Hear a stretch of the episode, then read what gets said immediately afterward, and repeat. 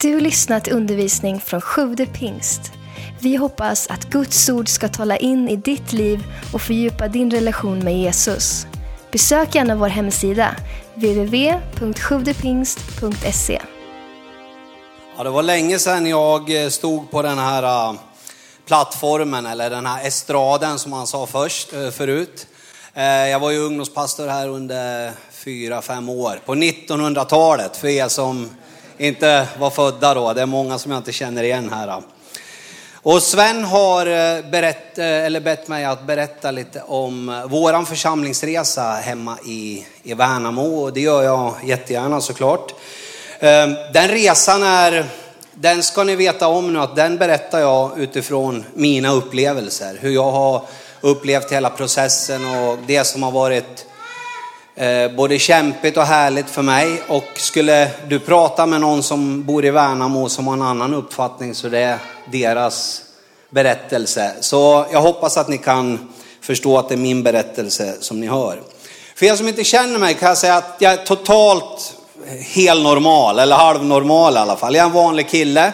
Jag hade inte planerat att eh, bli pastor. Jag såg aldrig det här livet komma, att finnas i kyrkan och leva församlingslivet. Eh, det fanns inte ens på kartan för mig, utan jag hade en plan. Jag skulle bli sjökapten. Jag skulle vara singel hela livet. Jag skulle ha en lägenhet i Marocko där jag satt när jag var ledig från mina båtar och satt och drack paraplydrinkar och kollade på när solen gick ner. Det var min plan liksom. Va? Och eh, det blev inte så. Utan det blev mycket, mycket bättre. Där jag fick eh, ta emot Jesus i mitt hjärta som 23-åring. Och det var en stark upplevelse för mig. Det var verkligen en hel omvändning. Det var fantastiskt. Och eh, när jag hade tagit emot Jesus så visste jag nästan omedelbart att eh, jag vill få tjäna Gud på ett eller annat sätt. Men jag kunde inte se mig i den här eh, rollen då. Det var en lång resa. Ni ska veta att jag är egentligen en väldigt blyg person från början. Men sen har väl Gud gjort någonting med mig.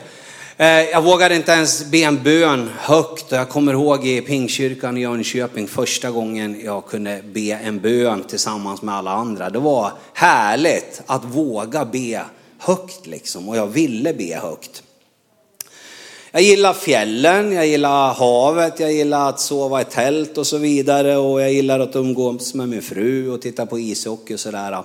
Och jag tror jag är ganska okomplicerad som människa. Min fru är lite mer komplicerad. Alltså det är inte, det är inte något negativt.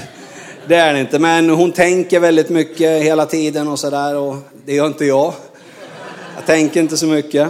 Ibland så säger hon så här, ah, Anders vad tänker du på?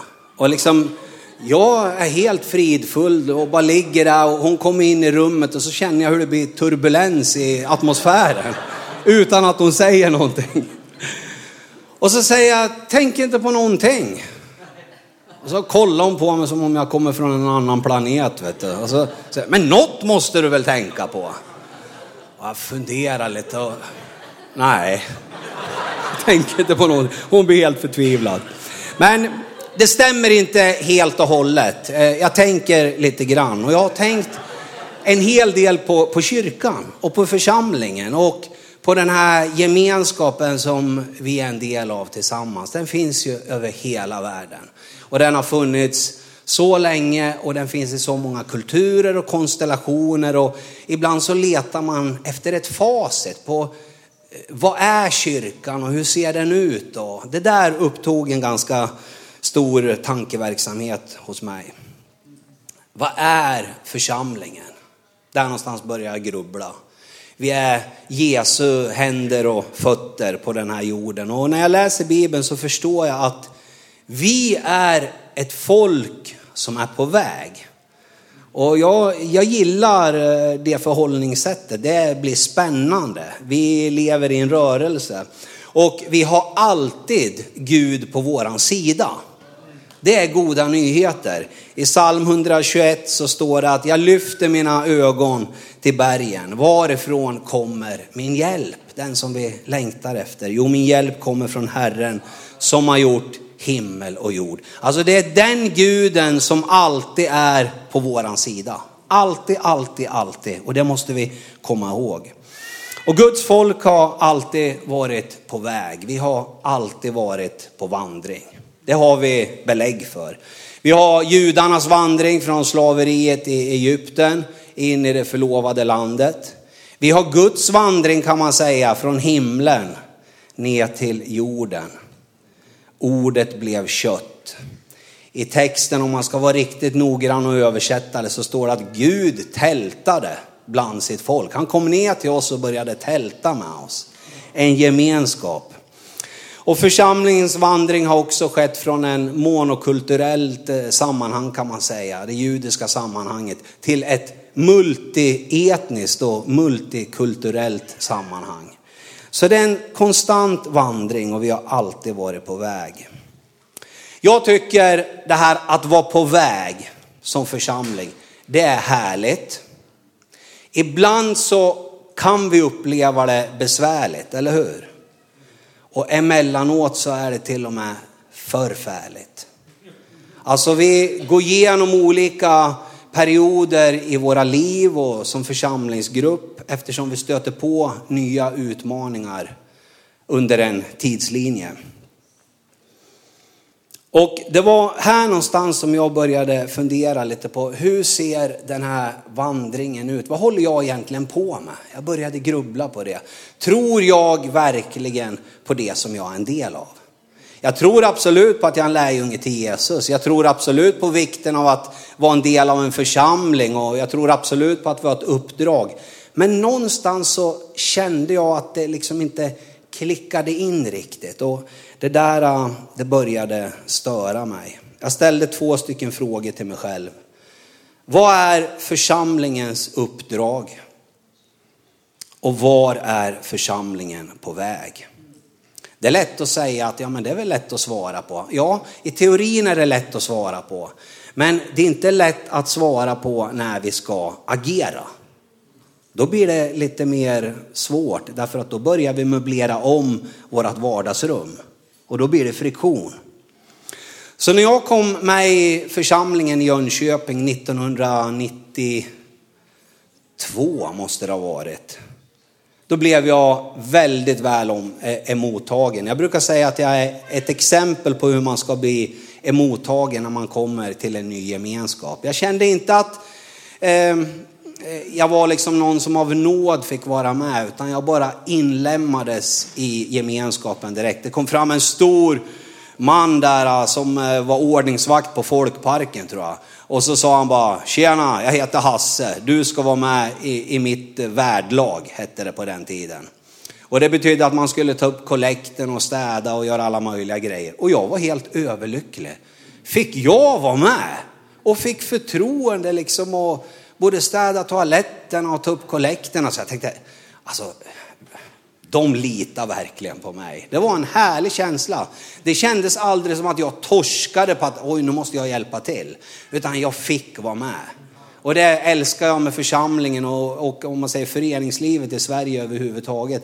Att vi får vara engagerade volontärt. Därför att vi har ett hjärta någonstans. De talade jämt om att nå de onådda, onådda folken, de talade jämt om evangelisation och de talade väldigt mycket om Jesus och jag, jag älskade att få vara en del av det där. Linda var nästan lite orolig för mig. Hon sa, ska du gå på möte igen? sa hon. Ja men det står ju i programbladet att det är möte. Ja men man måste inte gå på alla möten. Ja vad ska vi göra då, sa jag. Jag var liksom, jag gick all in liksom. Nu kör vi liksom. Så hon tyckte jag blev, det blev lite för mycket. Men där i alla fall fick jag min träning i den lokala församlingen. Där så fick jag upptäcka att det fanns en, en kallelse. Fanns, jag blev medveten om att Gud hade planterat något i, i, i mitt hjärta och så vidare. Och jag och många vänner från den tiden, vi fick gå ut i församlingstjänst. Och det var liksom så här, det var nästan lite romantiskt skimmer över det hela. Vi ska gå ut på fältet och vinna lärjungar för Jesus. Och vi ska gå till jordens yttersta gräns. Och så gick vi. Och jag hamnade i Skövde. Men alltså, jag lägger inga värderingar i det, men jag hamnade i Skövde i alla fall.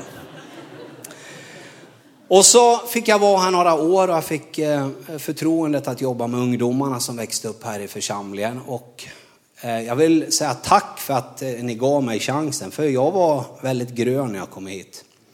Men det betydde jättemycket för mig. Den här dopgraven kommer jag ihåg. En gång så hade vi en dopförrättning här med ett gäng grabbar. Och när jag hade döpt den första killen så började alla skratta. Och jag fattade ingenting. Jag blev ju nervös liksom. Jag är ju från Norrland, då är man ju blyg liksom. Nu sa jag något fel. Och så sa jag det jag skulle säga så döpte jag nästa kille. Och nu blev det rörelse här inne. Vet du. Nu var jag väldigt nervös. Vad är det jag säger fel? Och så efter att jag hade döpt den femte killen eller något, då vände jag mig om. För jag förstod att det är någonting som händer som inte ska hända. Då var den där dörren, gick inte att öppna av någon anledning. Så att när de skulle gå ut kom de liksom inte ut så de fick liksom ta luft så här och så fick de dyka under där. Och det kanske inte var liksom sådär stilistiskt. Eh, men de blev döpta i alla fall. Sen gick det några år och så började det närma sig de här åren i Värnamo. Jag och Linda vi kände en tydlig kallelse att flytta dit, vilket vi gjorde. Och eh, det blev sju år i Värnamo som ungdomspastor och två år som vice föreståndare tror jag att det heter. Eh, under de här två åren som vice föreståndare så läste jag på något som heter SALT. Idag så heter det ALT. Så det var embryot eller starten på våran teologiska akademi. Och under de två åren, när man fick åka ner till en storstad, när jag fick träffa lite andra människor, när jag fick tid att reflektera lite på de kurserna som vi läste, så kände jag hur jag blev mer och mer frustrerad på insidan. Och det var inte så att jag inte trivdes i församlingen i Värnamo, det var inte så att jag eh, hade liksom levde i någon kris, utan jag bara kände att vi gör inte det som vi är kallade att göra. Vi försöker göra det, men vi får inte ner kraften i backen. Och det där åt på mig på något vis. Jag kunde inte ta på vad det var för någonting. Jag gjorde mitt bästa, jag försökte predika, jag försökte undervisa och träffa massa människor. Men kände att det var som en cykel stod upp och ner. Och så stod jag och höll i ena trampan och bara liksom snurrade runt ett maskineri. Men vi kom ingenstans. Jag kände mig så maktlös. Och samtidigt hade väl jag byggt på mig en förväntan av att jag vet exakt hur man gör. Så att man låtsades ju, man peppade sig själv liksom, halleluja liksom. Och så vevar man ännu mer liksom. Men det hände ingenting. Och eh, jag kände hur mitt självförtroende som, som, som herde eller församlingspastor, det sjönk mer och mer. Och jag började titta på att jag såg församlingen ungefär som en gemenskap som var på en, en campingplats. Och hade börjat bosätta sig på den här campingplatsen. Om vi ska koppla till bilden att vi är ett folk som är på vandring. Vi gjorde det som vi gjorde och det var väl okej. Okay. Varken mer eller mindre. Vi gjorde det vi skulle och folk sa men det är bra gjort. De här mötena och de här lägren och de här församlingsdagarna och så rullade det på liksom. Men jag kunde inte hitta svaret på hur vi som var ett resande folk upplevdes vara kvar på den här campingplatsen. Nästan börja spika upp tak och väggar och bygga toaletter och så. Jag kände att det är någonting som är riktigt, riktigt fel. Och det som hade tänt mitt hjärta en gång, alltså den här, ska man säga, ja, när vi sändes ut från Jönköping och vi skulle inta världen och vi skulle vittna om Jesus. Den glöden börjar försvinna och jag vill inte att den glöden ska försvinna. Det var faktiskt någon som sa till mig, ja men du vet, man är lite tänd i början, sen kommer man ner på jorden. Så jag vill inte komma ner på jorden. Jag vill vara tänd liksom. Jag vill brinna för det här. Jag vill känna att församlingen är världens enda hopp som Bill Hybel skriver om. Jag, när jag slutar känna så, då kan jag lika gärna vara med i någon idrottsförening. Men det här handlar om att rädda människor. Till slut så kände jag att jag kan inte vara ledare i Pingkyrkan i Värnamo om jag känner så här. Om jag inte tror på vårt sätt att förhålla oss till samtiden och, och, och människorna.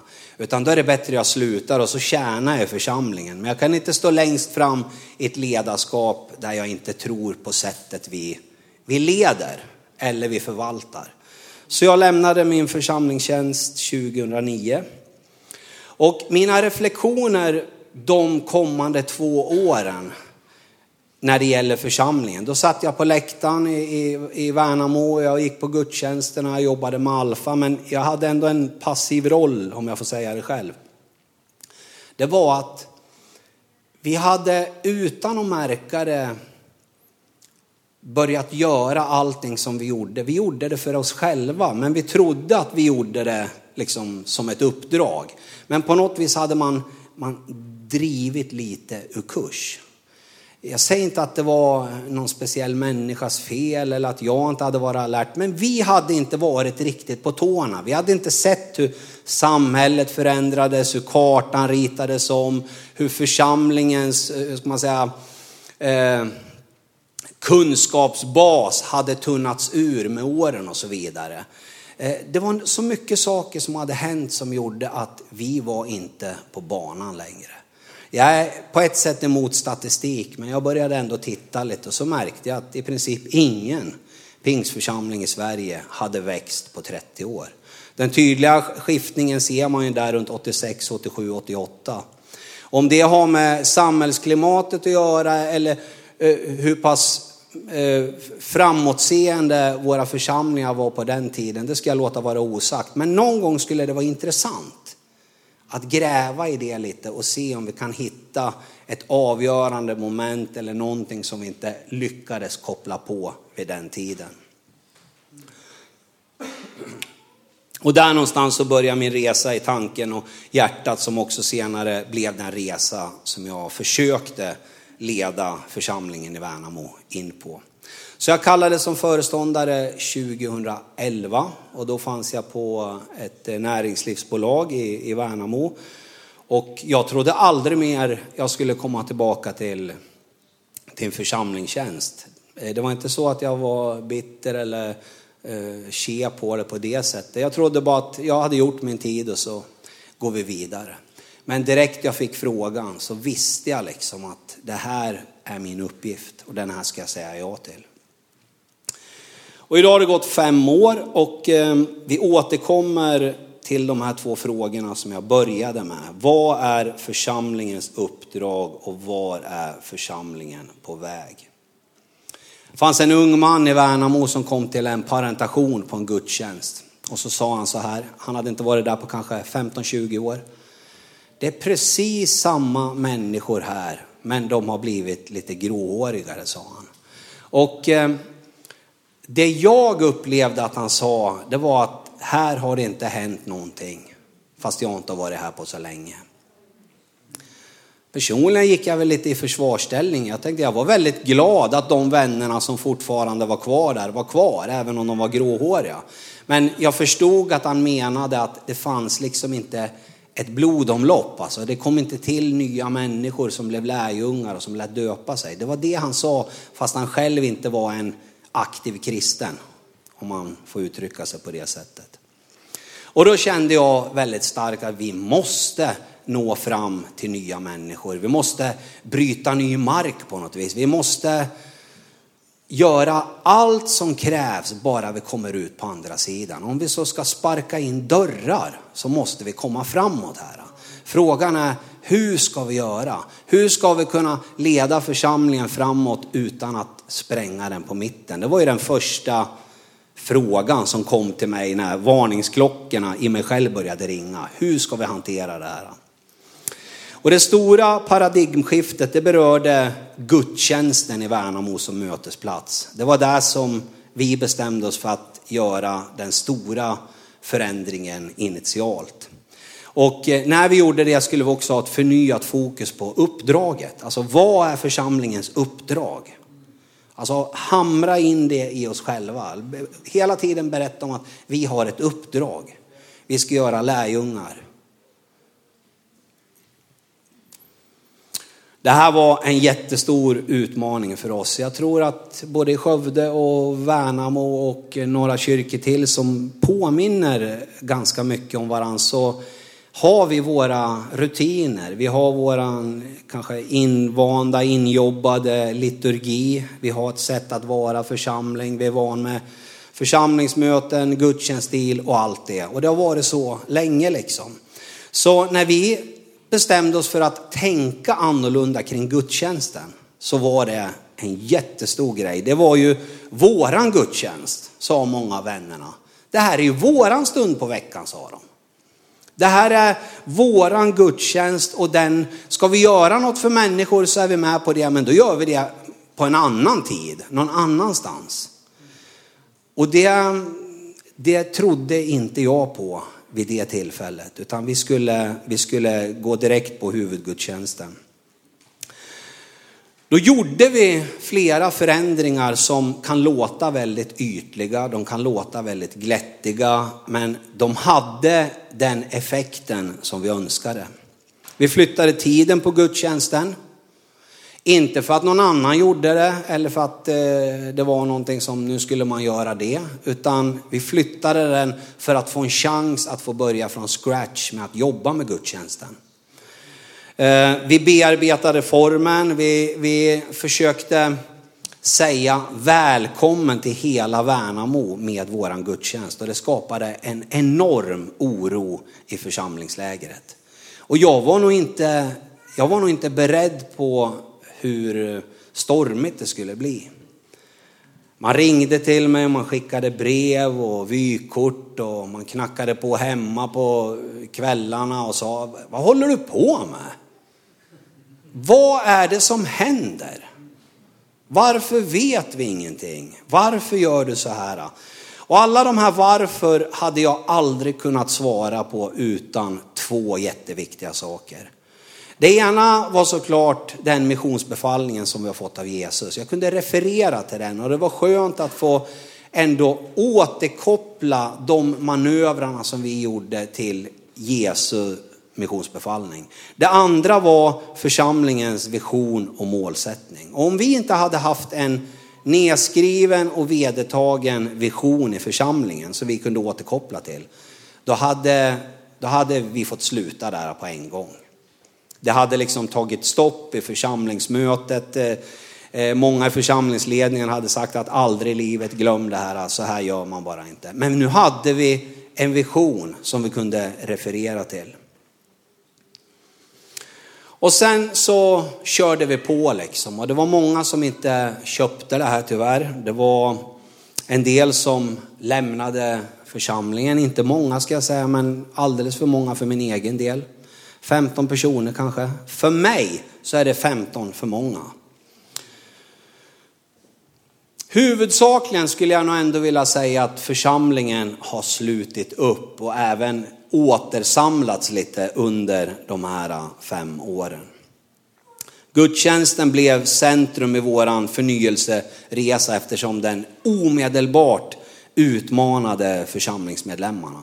Man kom till sin gudstjänst och märkte att vi hade möblerat om rummet, att det fanns andra människor där, att vi agerade på ett annat sätt. Det var till och med besvärligt på kyrkkaffet, för det var ju inte som det alltid hade varit. Och nu raljerar jag inte, utan det här var jobbigt för den som hade gått i kyrkan där eh, i 20-30 år. Va? Det var jättebesvärligt. Det skapade känslor och det rörde om i grytan. Och, eh, jag hade hundratals varför-frågor som jag fick försöka svara med hundratals därför. Och det är väldigt viktigt i en resa, både i en familj eller i en förening eller en församling, att vi svarar på varför vi gör vissa saker på resan.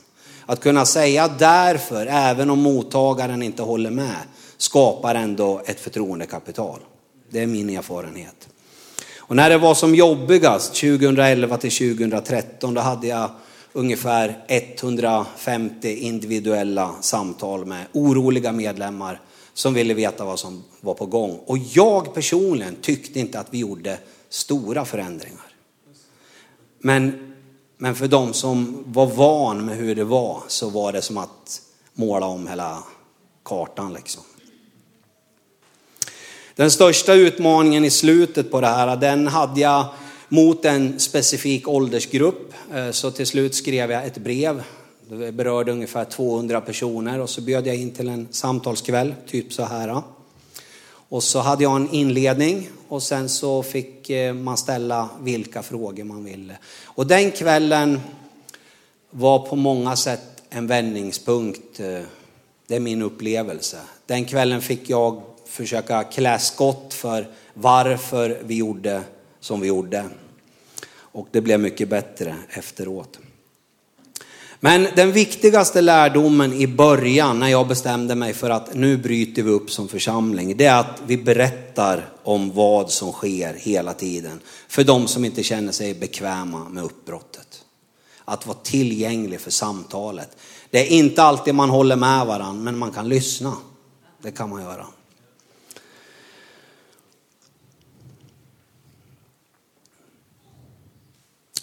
När vi flyttade den här gudstjänsten då från förmiddagen till eftermiddagen så var det inget beslut som jag tog till församlingsmötet. Eh, och kanske jag gjorde ett övertramp där, jag tror det hade blivit nej då. Utan jag tog det beslutet och så sa jag till församlingsledningen, nu har ni gett mig förtroendet att leda församlingsledningen och församlingen. Och när ni kallade mig så sa jag, väljer ni mig så väljer ni ett uppbrott då måste vi våga söka oss fram och navigera in i det okända. Och nu gör vi det, sa jag. Så då kunde jag liksom luta mig lite mot det. Och så kom alla de här varför, jag ska gå igenom några av dem som säkert finns här också. Varför skulle vi fira gudstjänst på eftermiddagen? Det var ju det dummaste de hade hört och jag hade egentligen inga bättre argument än att jag sa att 75 procent eh, av invånarna i Värnamo, de är bakfulla på söndag morgon. Så om vi har gudstjänsten på eftermiddag så är det ju större chans att fler kommer hit. Alltså det var ett rätt tunt argument, men jag var ju tvungen att på något vis försöka, för vi skulle pröva någonting nytt. Jag kan inte säga att jag hade goda argument, men vi var tvungna att röra om i grytan lite. Varför skulle vi ha fikat innan gudstjänsten och efter gudstjänsten var också en sån där eh, fråga som kom. Eller varför fick stunden av tillbedjan ledas av lovsångsgrupper och mycket mindre nu för tiden av solister och duetter och körer som fick en mindre del av gudstjänsten? Det var en jättestor fråga. Varför skulle det finnas välkomstteam? Varför skulle vi annonsera simultantolkning i gudstjänsten när det bara satt massa svennebanan i våran gudstjänst, vilket det gjorde på den tiden? Alltså, och det, det är en motiverad fråga för den som är väldigt rationell. Helt ärligt, inledningsvis så handlade förflyttningen av gudstjänsten om att skapa turbulens. Jag finns i ett ganska etablerat sammanhang och i och med att jag hade den nöden på mitt hjärta som jag försökte ventilera lite i början här så tänkte jag att jag kan inte vänta i två år utan så fort jag har fått förtroendet så trycker vi på knappen innan någon hinner fatta vad som händer. Och Ja, ni skrattar och det är lite roligt på sätt och vis, det kan jag hålla med. Men jag såg ingen annan väg att fort liksom komma igång med, med arbetet att komma vidare som församling, som ett överraskningsmoment. Eh, utan det var tvunget. Va? Och jag kände att det var tvunget därför att det rullade på. Kyrkan var betald, vi visste, vi visste om varandra och så vidare och vi satt säkert i båten. Vi hade konserter i kyrkan ibland på lördagskvällarna och sådär. Inga nya människor dykte upp på gudstjänsten och så vidare. Församlingsledningsmötena och församlingsmötet, de var, det var goda stunder. De var, det var trevligt, det kändes gott att träffa vännerna om man säger så. Då. Vi kunde säga amen och halleluja och tack och lov emellanåt och så vidare. Men min känsla var att det var lojt. Vi hade varit med så länge och många hade varit med längre än mig och det stod liksom still. Alla var nog överens om att vi längtade efter mer rörelse i församlingen och att det skulle bli lite mer ja, drag under galoscherna eller eh, upplevelser av att Gud eh, liksom fick tag på människor. Det där längtade alla efter. Men ingen hade egentligen någon, något svar på hur vi skulle komma vidare. Det tror jag jag delade med alla i församlingen. och framförallt med alla i församlingsledningen. Så vi behövde vakna upp. Därför flyttade vi gudstjänsten. Sen när vi började ha fika innan gudstjänsten, det var ju för att kunna ta emot människorna som kom dit för första gången. Och jag tror att ni har det här också, att man, har lite, man kan eh, ramla in på en kaffe, visst är det så? I början. Ja, efteråt har ni kaffe. Men vi tänkte, vi tänkte så här att ska vi nu börja kunna koppla med människor som kommer i början. Det kanske är för att jag gillar kaffe, så jag sa vi serverar kaffe i början. Men vi satte på musiken ute i, i, i foajén, vi, vi hade kaffe, vi pratade med människor som fick uppdraget att, att hjälpa människor in som kom hit för första gången. Så att det inte skulle vara svårt att komma in i kyrkan. Ni vet, sån där vanligt trevlighetshyfs som vi får lära oss på våra arbetsplatser och vart som helst. Att man säger välkommen hit, vad heter du, kan jag göra något för dig och så vidare. Allt det där va. Ehm, alla varför kom ju såklart direkt. Måste ni ha på musik? Det, gudstjänsten börjar ju om fem minuter. Jo, men vi har på lite musik här så det blir lite avslappnat. Men många var uppvuxen med en tradition att det i gudstjänstrummet det ska vara stillhet innan gudstjänsten. Och det kan du som är född på 2000-talet tycka vad du vill om. Men många är uppvuxen med, med den bakgrunden. Så för dem var det liksom nästan, får man göra så? Eh, jag bara försöker ge liksom att det finns många generationer som ska samverka. Och då förklarade vi att vi gör så här därför att det ska kännas avspänt och trevligt för de som kommer till kyrkan. Därför gör vi som vi inte brukar göra. Allt det är därför. Musiken var en väldigt stor grej och den tror jag är jättestor på alla ställen, även hos er. Vi var vana med att kören sjöng några sånger.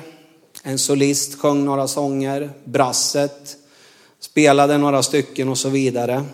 Och när vi började titta på hur gudstjänstens liturgi och utformning skulle se ut och brasset fick höra att ni spelar två stycken och inte sju. Eller kören, ni sjunger tre sånger och inte sju.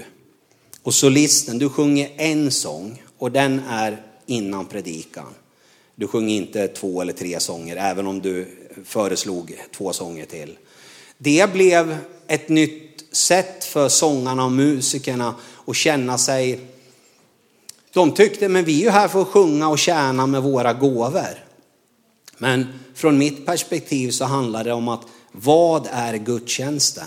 Och när vi nu vill inkludera många fler i gudstjänsten, då måste alla få vara med. Vi kan kalla det allsång eller gemensam tillbedjan eller vad som helst. Det är ointressant.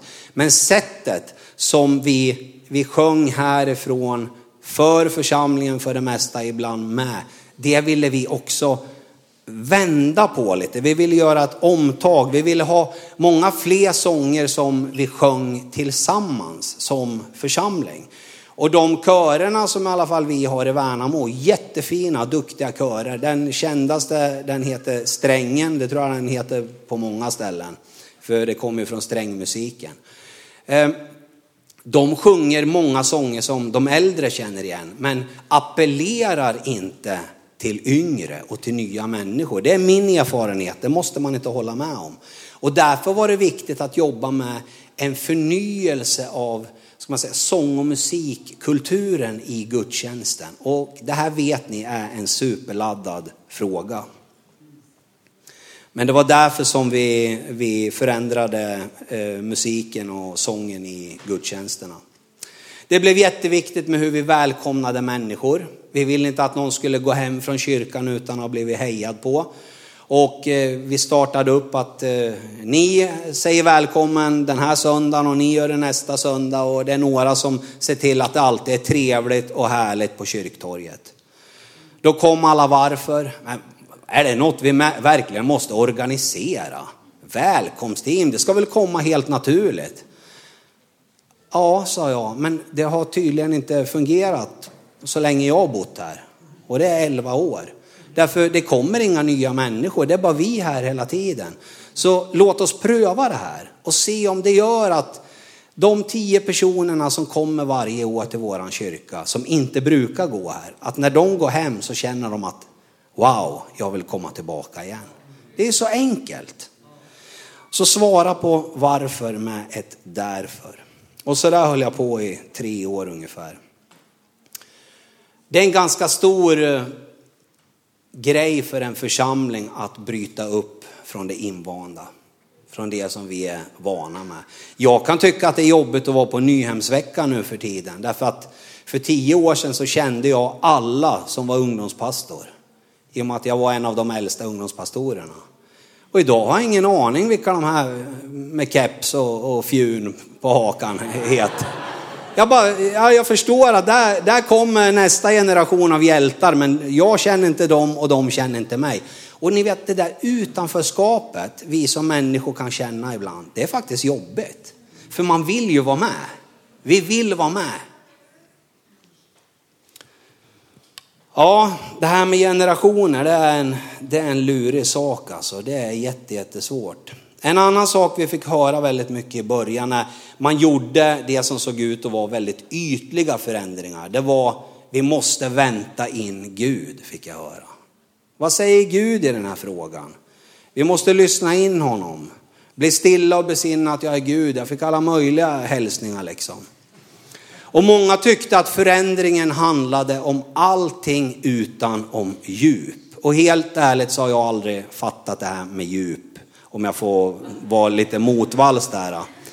Eh, jag är för att man har en djup och en genuin tro. Men jag är emot när vi använder ordet djup för att vi inte känner oss tillfreds med det som blir främmande eller när vi känner att det går för fort. Det är fel fel retoriskt vapen att använda.